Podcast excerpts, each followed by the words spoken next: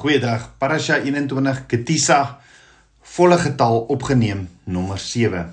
Ons weet Moses was die enigste een wat die berg Sinai opgegaan het en hoe Abba Vader vir Moses instruksies gee.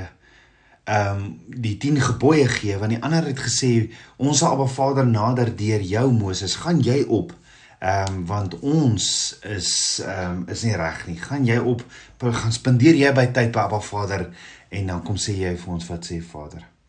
Maar dan staan daar in Eksodus 32 vers 1, toe die volk sien dat Moses vertoef om van die berg af te kom, het die volk rondom Aaron versamel en vir hom gesê: "Kom maak vir ons gode wat voor ons uittrek, want hierdie Moses, die man wat ons uit Egipte land laat optrek het, ons weet nie wat van hom geword het nie." Soos in Aaron se lewe kom elkeen van ons 'n reeks versoeke met uiterste gevolge te. En hierdie oomblikke vra besluite en aksies wat nie net jou eie lewe raak nie, maar baie meer lewens word aangeraak in hierdie proses. Dan aan die ander kant, so baie keer kry ons raad wat heel onskuldig lyk, maar tot 'n groot ramp kan lei. As ons net besef wat die gevolge is as hierdie raad op ons pad kom. Daarom het ons Abba Vader se woord nodig om ons te leer in die Heilige Gees, Ruach HaKodes, om ons te lei in hierdie situasie. So ons gaan vandag kyk na situasies waarin Moses, Aaron en die kinders van Israel hulle almal bevind het. Wat vir ons wys dat dit dat dit kardinale belang is om vas te kleef aan 'n Vader se woord. Net so is dit vir ons van kardinale belang om aan Abba Vader se woord vas te kleef en self Abba Vader se stem te ken en om te wag op Abba Vader, nie ongeduldig sommer net dinge besluit en dinge te doen volgens wat ons dink is goed en reg nie. Hebreërs 5 vers 8 sê: "Hy Yeshua, al was hy die seun, het gehoorsaamheid geleer uit wat hy gelei het." Met ander woorde, Yeshua het gehoorsaamheid Shema geleer uit wat hy gelei het. Shema wat beteken Heer luister nou by. Yeshua het gehoorsaamheid geleer uit wat hy gelei het. En Abba Vader leer my die enigste manier om die versoekings van die wêreld te sien en te vermy is deur Abba Vader se woord te Shema. Toe Moses nog op berg Sinaï is en amper op pad is om af te kom om vir die volk Abba Vader se huwelikskontrak te bring, op twee kliptafels staan daar in Eksodus 31 vers 18. En Abba Vader het aan Moses toe hy geëindig het om met hom te spreek op die berg Sinai die twee tafels van die getuienis gegee, tafels van klip, beskrywe met die vinger van God. Met ander woorde Moses kom die berg af met die mees kosbaarste geskenk van geskenke. Sy liefdesbrief wat hy geskryf het met sy vinger vir sy kinders. Dis die Skepper se hart, sy woord op twee kliptafels. Jy moet weet, Tabernakels kind van Abba, hierdie is nie wette nie. Nee, dit is woorde van liefde, woorde van hoop en vreugde en nie een van hierdie woorde op hierdie kliptafels kom van Moses af nie.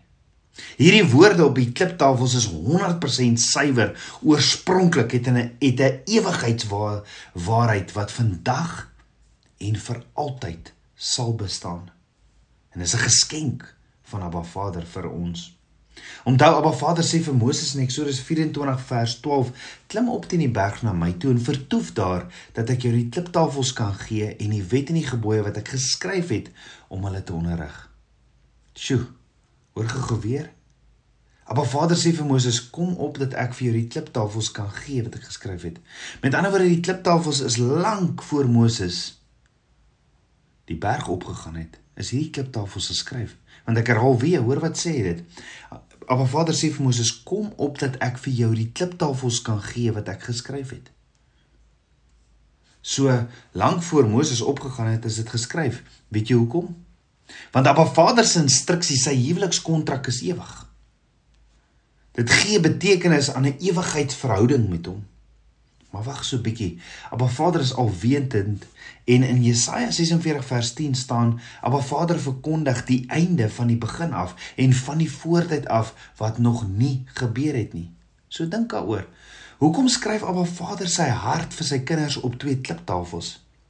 As hy weet Moses gaan dit neergooi omdat die kinders 'n goue kalf aanbid. Of dink daaroor, hoekom sal jy vir iemand 'n liefdesbrief stuur wat jy weet hierdie kinder hierdie hierdie persoon hierdie persoon gaan jou verraai? Hoor gou-gou. In Eksodus 31 vers 18 staan en hy het aan Moses toe hy geëindig het om met hom te spreek op die berg Sinai. Ek herhaal Eksodus 31 vers 18 en hy het aan Moses toe hy geëindig het om met hom te spreek op berg Sinai. Die Hebreëse woordjie vir toe hy geëindig het om met hom te spreek is die woordjie kala. Hierdie selfde woord word 'n paar keer gebruik, naamlik in Eksodus 32 vers 10 waar kala vertaal word as begaan en Eksodus 32 vers 12 waar kala vertaal word as af te vernietig. Eksodus 34 vers 33 waar kala vertaal word as klaar met hulle gespreek het. Nou, so wat is die aksie van kala? Kala beteken nie om iets tot 'n permanente of 'n finale einde te bring nie. As Abba Vader bedoel het dat hy klaar was om met Moses te praat, sou hy hom mos nie weer die berg opgenooi het nie. So wat beteken kala? Die eerste gebruik van kala kry ons in Genesis 2 vers 1 wat sê: "Soos dan voltooi die hemel en die aarde met hulle ganse leermag." So kala hier beteken dat Abba Vader gedoen het in 6 dae met sy skepping. Hy het dit voltooi. Die skepping is voltooi, kala, maar dit het nie opgehou bestaan nie. Hy het nie sy skepping uitgevee en oorbegin nie. Hy het nie 'n einde aan die skepping gemaak nie. Abba Vader het dit voltooi tot op die punt van lewensvatbaarheid en funksionaliteit. Dan sien ons ook Kala in Eksodus 39 vers 32 wat sê soos dan al die werk van die tabernakel van die tent van samekoms voltooi het die tabernakels voltooi kala om nou tot volle reg te kom om nou gebruik te word vir diens. Met ander woorde om iets te kala te voltooi beteken om iemand of iets ten volle voor te berei om lewensvatbaar te wees en volgens funksie te funksioneer. Om iemand of iets gereed te kry vir die volgende fase om betekenisvol te gebruik. Met ander woorde kala beteken nie om vernietig te word nie Onthou hierdie woordjie kala ons gaan weer terugkom na hom toe nou. So Moses het baie om die kinders van Israel wat minder as hy 100 dae terug nog in slawerny in Egipte was. Moses het baie om hulle te gaan vertel. En is 40 dae terug nog voor Moses alleen die berg opgegaan het wat hulle almal self ook Abba Vader se stem gehoor het. En nou wat Moses nie verwag of weet nie is dat die kinders van Israel besig was met oorspel, besig met 'n skandaal, verraad, besig met skande, 'n ramp. In die Hebreëse letterkunde staan nie hierdie waaglike gebeurtenis of skandaal van die kinders van Israel bloot as get ha-egel, die kalf sonde. Die kinders van Israel bou 'n goue kalf met die voorsiening, die goud wat hulle in Egipte gekry het, die aand toe die pasgalam in die deurkusyne gesmeer is. Eksodus 32 vers 4 sê Aaron het hierdie goud wat hulle geneem het, die buitel gewerk en daar 'n gegote kalf van gemaak. Daarop sê hulle dit is jou gode o Israel wat jou uit Egipte land laat optrek het. Regtig? So was dit 'n goue kalf wat Israel uit Egipte gelei het? Ek meen, hoe kon hy dit sê?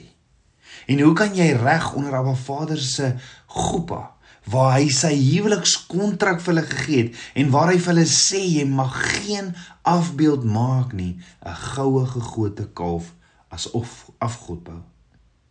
So Aaron bou toe vir hulle 'n goue kalf want hulle sê Moses ons weet nie wat aan hom geword het nie. Hy is net weg. Met ander woorde, Moses vat te lank op die berg. Die kinders van Israel raak braak ehm um, geïrriteerd en en kan nie wag nie en hulle nader vir Aaron om vir hulle 'n gode te maak wat voor hulle sal uittrek. Met ander woorde hulle hulle nader 'n skepping in plaas daarvan om die Skepper homself te nader. So hoe kan 'n volk wat in die skaduwee van Abba Vader se teenwoordigheid geleef het, wat 'n wolkkolom bedags en 'n vuurkolom snags gesien het, wat 10 plaag gesien het, wat hulle lei, hoe kon hulle nou ewe skielik 'n afgod soek om te aanbid en wat hulle lei? Was dit moontlik omdat hulle 'n God gesoek het wat hulle aanbid op hulle terme? Jy sien, hierin lê 'n baie hartseer waarheid en die waarheid is dat mense 'n God soek of sal kies om te aanbid wat hulle volgens hulle eie smaak kan vorm. Hulle wil 'n God aanbid waar hulle sê hoe en wanneer dinge gebeur. Hulle soek 'n God wat hulle kan manipuleer en beheer. Hoekom? Want sien vir so 'n God is jy nie verantwoordelik vir elke gedagte, elke opinie, elke woord en elke daad nie. Nie 'n kalfgod word gedien soos wat jy daarvan hou.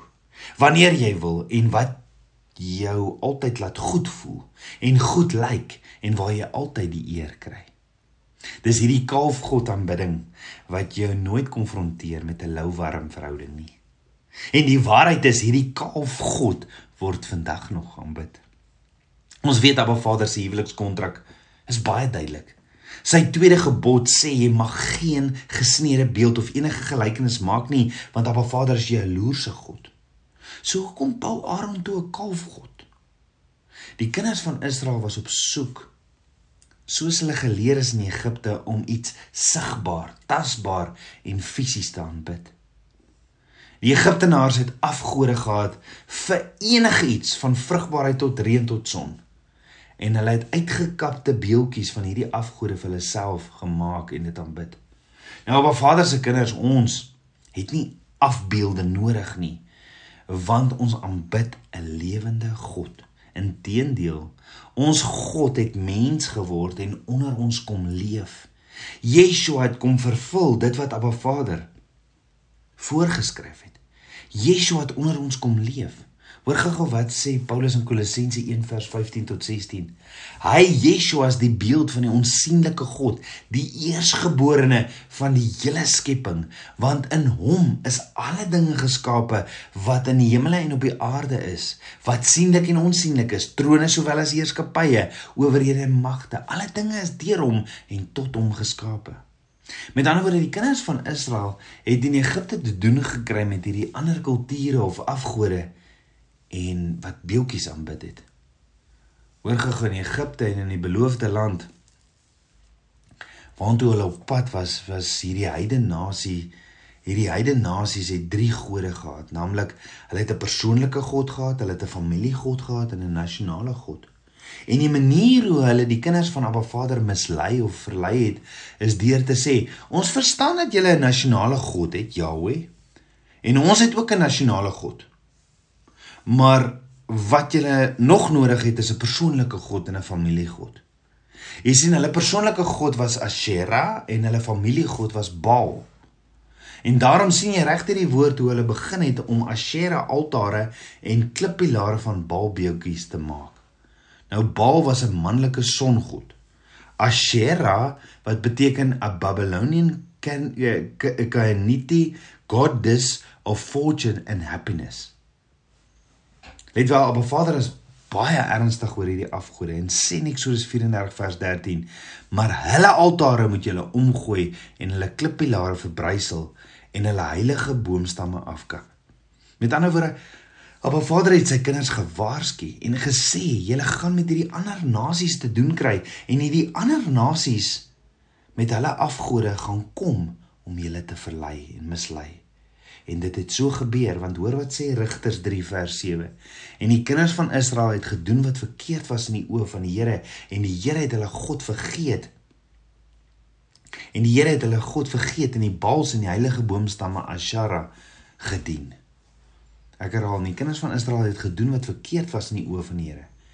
En die Here hulle God vergeet en hulle het die Baals en die heilige boomstamme Ashera gedien. Onthou ook Elia het op berg Karmel die 450 profete van Baal en die 400 profete van Asherah uitgedag. En Elia het vir vir koning Agab gesê, jy's die een wat die kinders verlei het met hierdie afgode.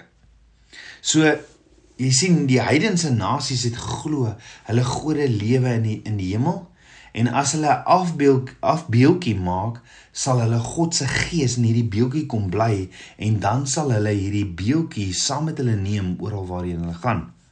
Byvoorbeeld, hulle sou 'n beeldjie maak van vrugbaarheid en hulle kamer sit en geglo het dis hierdie afgod wat maak dat hulle vrugbaar sou word. Die vraag is wie het vir hierdie nasie waarteen Abba Vader sy kinders waarsku hierdie geleer? Satan. Onthou Satan kan niks skep nie, maar kopie alles van Abba Vader. Onthou Abba Vader het ons Tselem Elohim Genesis 1:26 gemaak wat beteken to the image of God.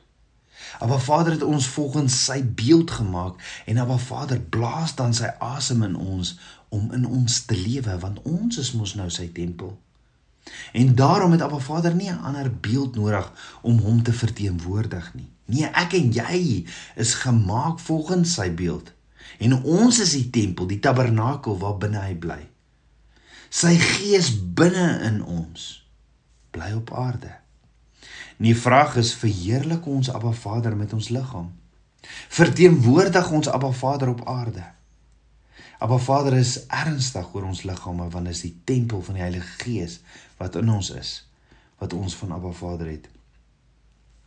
So Abba Vader het vir Moses instruksies gegee om die berg Sinaï om Aaron te salf en die hoofpriester sodra die tabernakel gebou is Maar Aaron moes eers leer om Abba Vader se stem bo enige iets te shema. Want Aaron wil die mense behaag en Aaron wil die mense tevrede stel. So die eerste ding wat die kinders van Israel vir Aaron vra is: "Kom maak vir ons gode wat voor ons uittrek." En net hier het Aaron die geleentheid gehad om vir hulle te sê: "Hey, hey, hey, hey, wag 'n bietjie. Maar Vader het dan duidelik vir almal om te hoor gesê in Eksodus 20 vers 4: Jy mag vir jou geen gesneede beeld of gelykenis of enige gelykenis maak nie. Maar dis nie wat Aaron se hart en mond by sy mond uitkom nie. Nee. Die tweede ding wat die kinders van van Israel vir Aaron vra is: hierdie Moses ou, die man wat ons uit Egipte land laat optrek het. Ons weet nie wat van hom geword het nie. En net hier het Aaron die geleentheid gehad om hulle te sê: Hoorie, Moenie vir Moses soek nie. Soek vir Abba Vader. Die een wat julle opgeroep het na die berg toe. Wat wil hê ons moet afgesonder wees as sy heilige priesterdom. Moenie vir Moses veraf God nie, want dis wat nie want dis dit was nie Moses wat julle uit Egipte land verlos het nie. Nee, dit was die enigste lewende God, Yahweh Elohim. So die vraag is, hoe reageer ek en jy in Aaron se situasie? Sal ons eerste reaksie wees Kom ons nader Abba Vader en hou vas aan sy woord. Kom ons wag op hom. Tabernakels kind van Abba. Die vraag is het ons nie dalk ook begin goue kalwe bou omdat ons die menslike raadpleeg en nie Abba Vader en sy woord nie.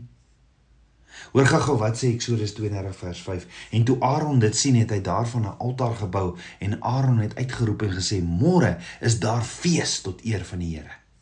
Met ander woorde, Aaron bou toe 'n altaar voor die goue kalf en hou toe 'n fees tot eer van die Here. En die vraag is, watter Here Aaron? Aaron? Watter Here? Want is verseker nie Jahwe Elohim nie. Hy het net 7 feeste in 'n jaar.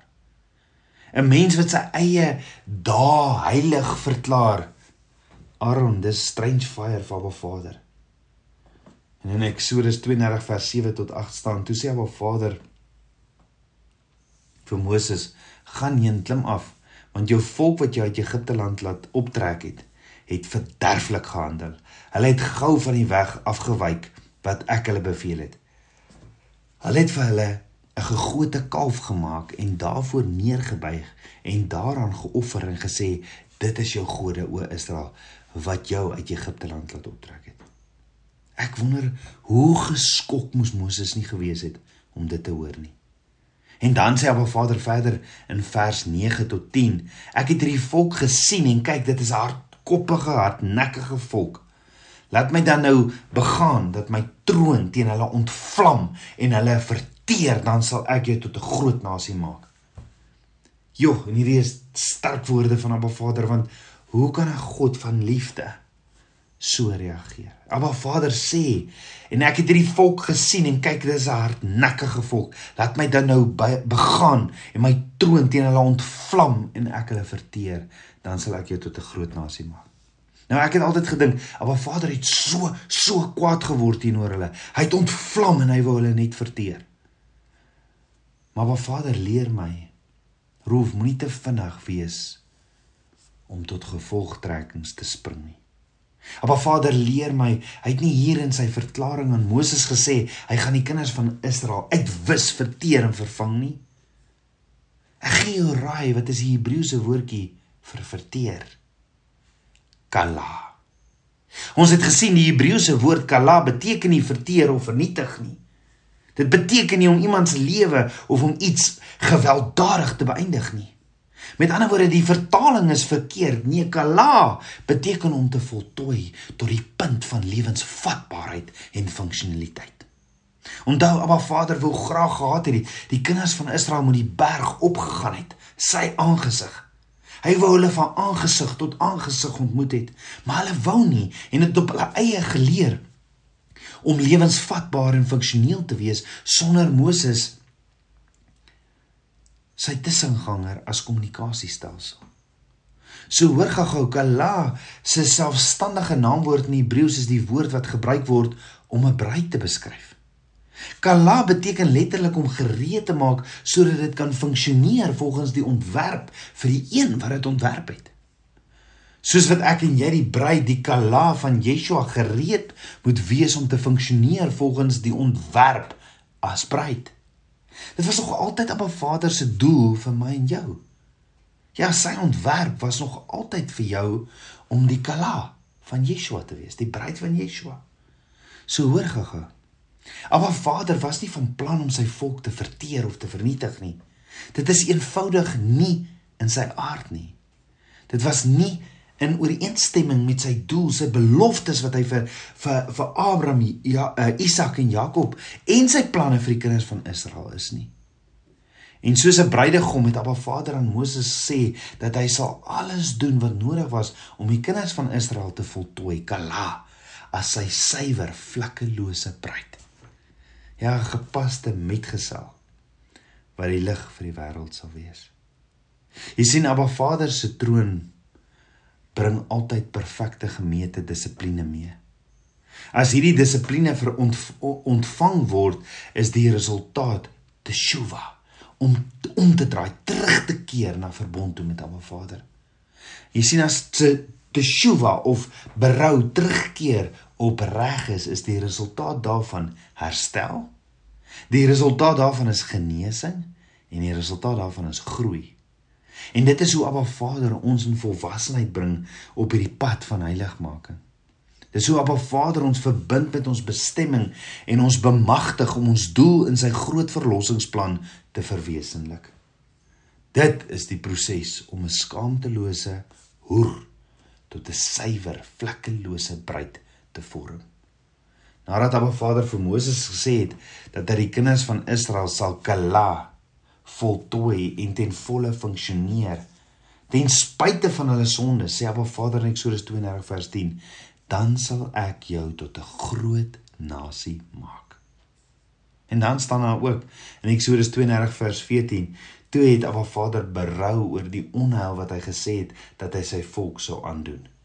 Die Hebreëse woordjie vir berou hier is ook verkeerlik vertaal want Abba Vader het nie berou of hy verander nie Berou in Hebreëus is nagam wat beteken om deernis te hê, om te troos, om getroos te word. So die regte vertaling van hierdie vers sê dan eintlik dat Abba Vader homself getroos het oor die kinders van Israel se toekoms omdat hy weet hy het reeds wat hy vir hulle beplan het. Hy het reeds 'n verlossingsplan vir sy kinders. En Abba Vader weet alles en het geweet van die oordeel en die dissiplines wat hy vir die kinders van Israel beplan het en dat dit verlossing sou meebring want hy weet alles. So kom ons bid saam. Aba Vader skepper van hemel en aarde. En Vader ek loof en prys U. Vader ons probeer hier soms boks. En Vader soms spring ons tot konklusies.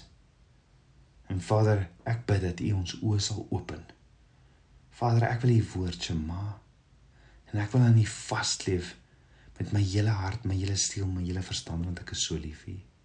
Vader, meer en meer van u. Dankie, dankie vir u verlossingsplan vir my.